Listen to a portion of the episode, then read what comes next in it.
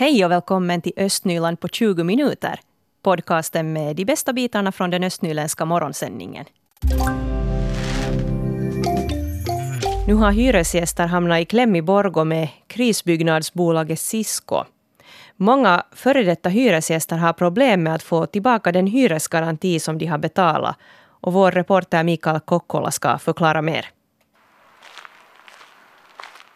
Ja, då byggbolaget Cisco nu söks i konkurs och är misstänkt för bland annat eh, förskingring och bedrägeri så har nu många hyresgäster i Borgå hamnat i kläm. Eh, de får nämligen inte tillbaka den hyresgaranti som de har betalat. Och här vid Bäcksgatan i Haiko i Borgå finns eh, 44 hyreslägenheter som är byggda och ägda av Cisco. Och husen här, ja de är pastellfärgade, det går kanske lite så här i Äh, de här äh, rödmylle, gulmylle färgskalan. Äh, elva stycken lofthus här utplacerade och en helt trevlig gårdsmiljö. Många före detta hyresgäster har nu då problem med att få tillbaka den hyresgaranti de har betalat och Yle Östnyland har talat med en av dem, Meri Likanen, som flyttade in i en splitter nu tvåa här för två år sedan.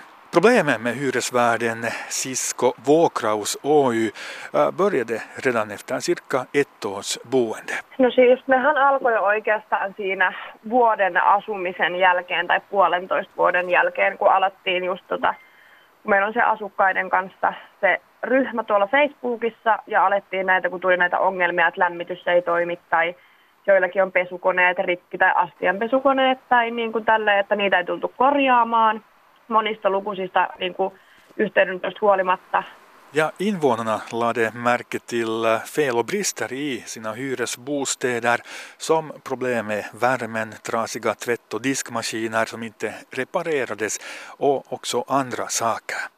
Hyresgästerna här på Bärvägsgatan håller kontakt med varandra via en egen Facebookgrupp. Själv flyttade Meri Likanen ut i oktober i år.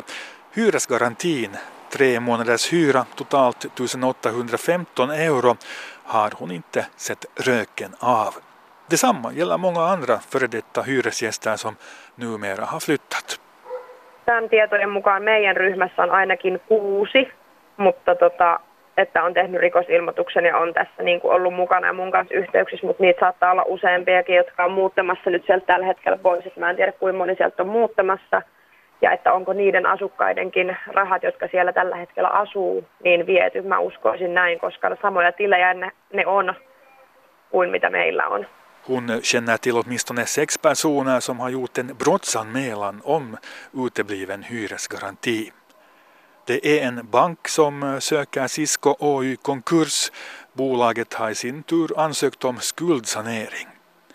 Hyresverksamheten fortsätter som förr i Borgo och Sibbo först under namnet eh, ZN Vuokra Asunnot Oy och nu under namnet Rentex Oy.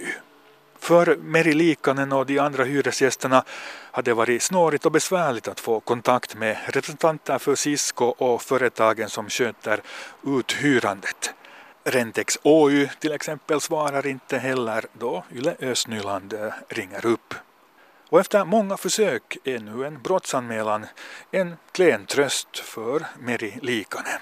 Tuntuu, että asukkaat on tässä hirveän huonossa asemassa, kun tuntuu, että on joutunut joka paikkaan soittelemaan ja kysymään ja niin kuin, tälleen etsimään niitä rahoja, että tuntuu, että kukaan ei oikein tiedä tai osaa vastata tai auttaa, niin ei oikein tiedä, mitä tässä lähtee enää sitten tekemään.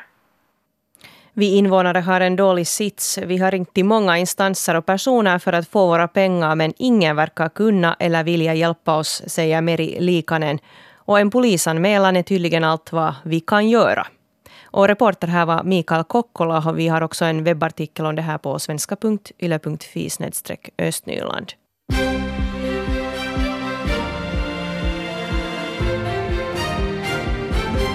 Klockan är halv åtta. Jag heter Helena von Oftan. God morgon. En knappt liter veteperoxid blandad med ättiksyra har under veckoslutet läckt ur en kanister vid Borgå läkarcentral. Fyra personer som kom till arbetsplatsen igår morse hann andas in gasen. De fick vård på platsen. Räddningsverket neutraliserade läckage och väderrummet igår på förmiddagen. För utomstående på området utgjorde det här ingen fara. Förra veckan fick vi höra att tre bilskolor i Borgå misstänks vara en del av en priskartell. Nu har Drivers Club och Porvoon Autopisto sagt att anklagelserna är grundlösa. Mika Sorajoki på Drivers Club säger i tidningen Osima att priset baserar sig på faktiska timmar och utgifter som lagändringen för sex år sedan förde med sig. Och i Östnyland säger Timo Anttila från Porvoon Autopista att de är oskyldiga. Marknadsdomstolen ska nu utreda de här anklagelserna. Enligt Konkurrens och konsumentverket har flera bilskolor i Nyland kommit överens om att höja priserna. Och skolfrågor i Borgå. Stadsstyrelsen beslutade enhälligt om att inleda projektplaneringen av Hindhår bildningscenter igår. Tanken är att bygga en ny gymnastiksal och en matsal i samma byggnad. Och nu är det igen fritt fram att hyra de elbilar som används av Lovisa stads personal. För att registrera sig som användare måste man nu besöka Lovinfo. Det här för att bestyrka att man är tillräckligt gammal, minst 20 år och har rätt att köra. Man bör ha haft körkort i minst två år. Att hyra elbilarna i Lovisa kostar 8 euro per timme under de första sex timmarna. Sen blir det 5 euro per timme och från och med den trettonde timmen blir det 3 euro. Och i Lovisa blir det lättare att bli av med avfall. Papper, kartong, metall, glas och plastförpackningar samt textilier kan nu föras till Lovisa avfallsstation vilken tid på dygnet som helst. Insamlingskärlen för ekopunktsavfallet har nämligen flyttats till utanför avfallsstationens portar. Flyttningen av kärlen är en del av projektet med att delvis göra Lovisa avfallsstation till en självbetjäningsstation. Igår samlades en hel del Borgobor på Kulturhuset Grand. Och den här gången så var det inte för att gå på konsert eller teater utan för att diskutera centrumplanerna för Borgå. Storslagna planer, det har vi ju berättat om tidigare. Och vår reporter Mira Bäck, hon var där. Jag står utanför Kulturhuset Grand i Borgå och tittar ut över ett öde Borgå torg så här på måndagskvällen.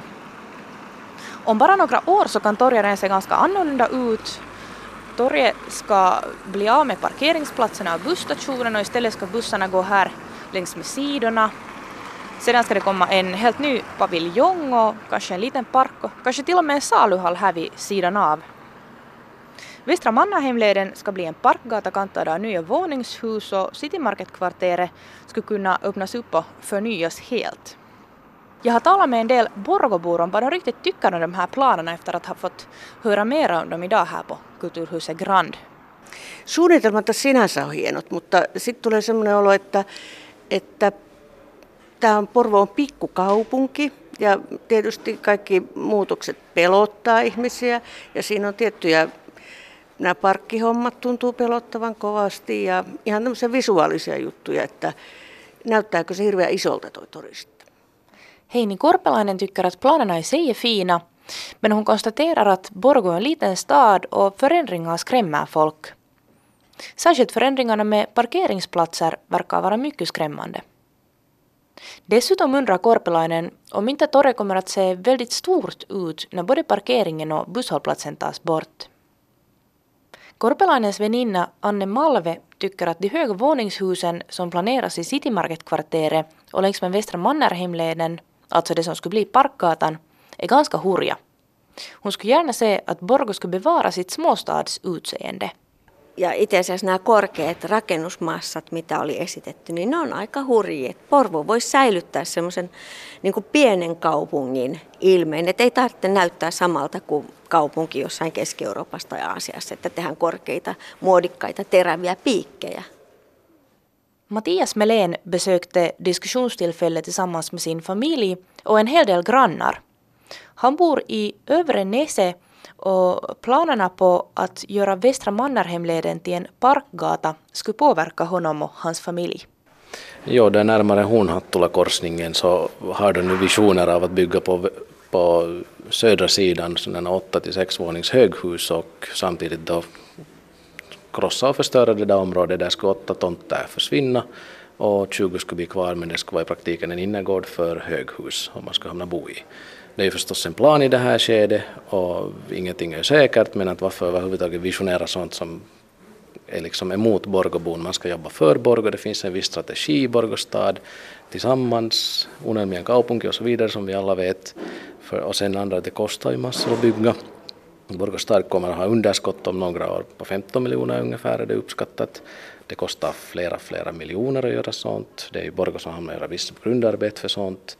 Och så finns det andra områden man kan bygga som är ganska nära till och med där om de vill ha sina höghus. Det blir ju se ut lite som en Järvenpää Kerava när man ska komma in från motorvägen till Borgå. Det är kanske inte riktigt det som vi visionerar Borgå att vara.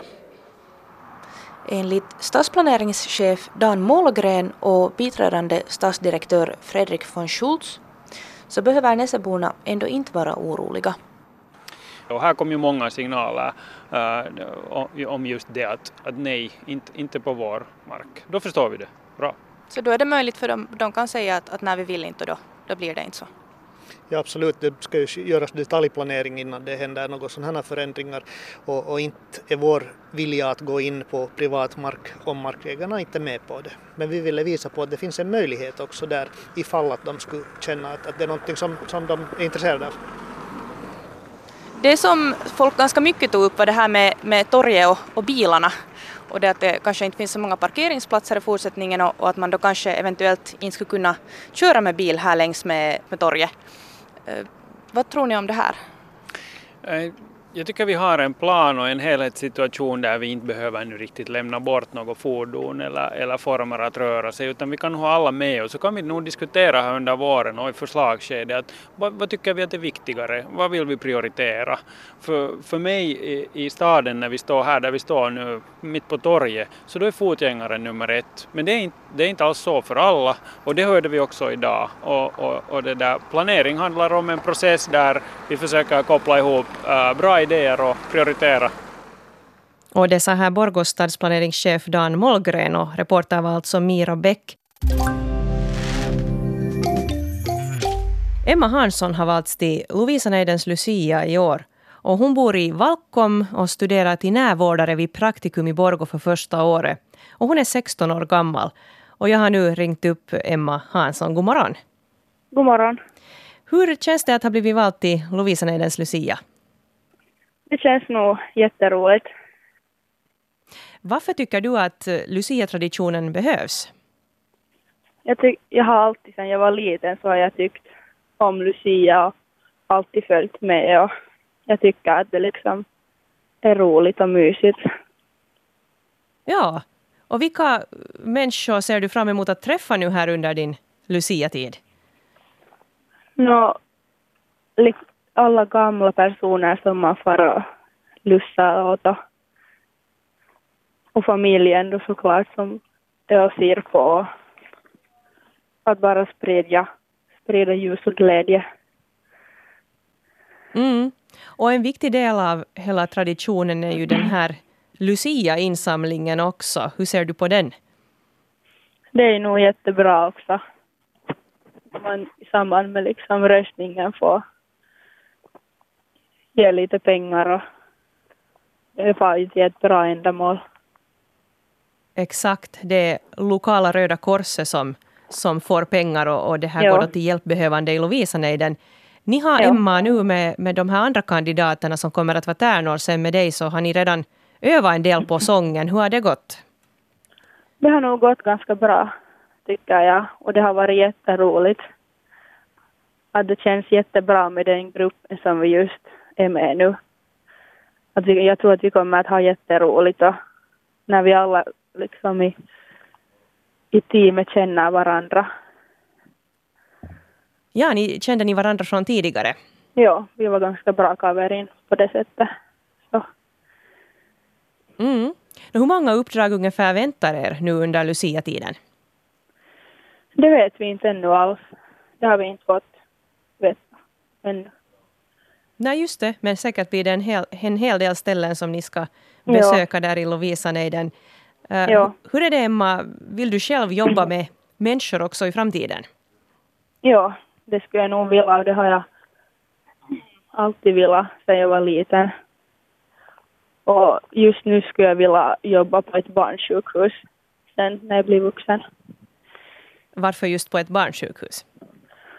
No, jag har alltid velat jobba med barn och med något yrke som kan hjälpa folk.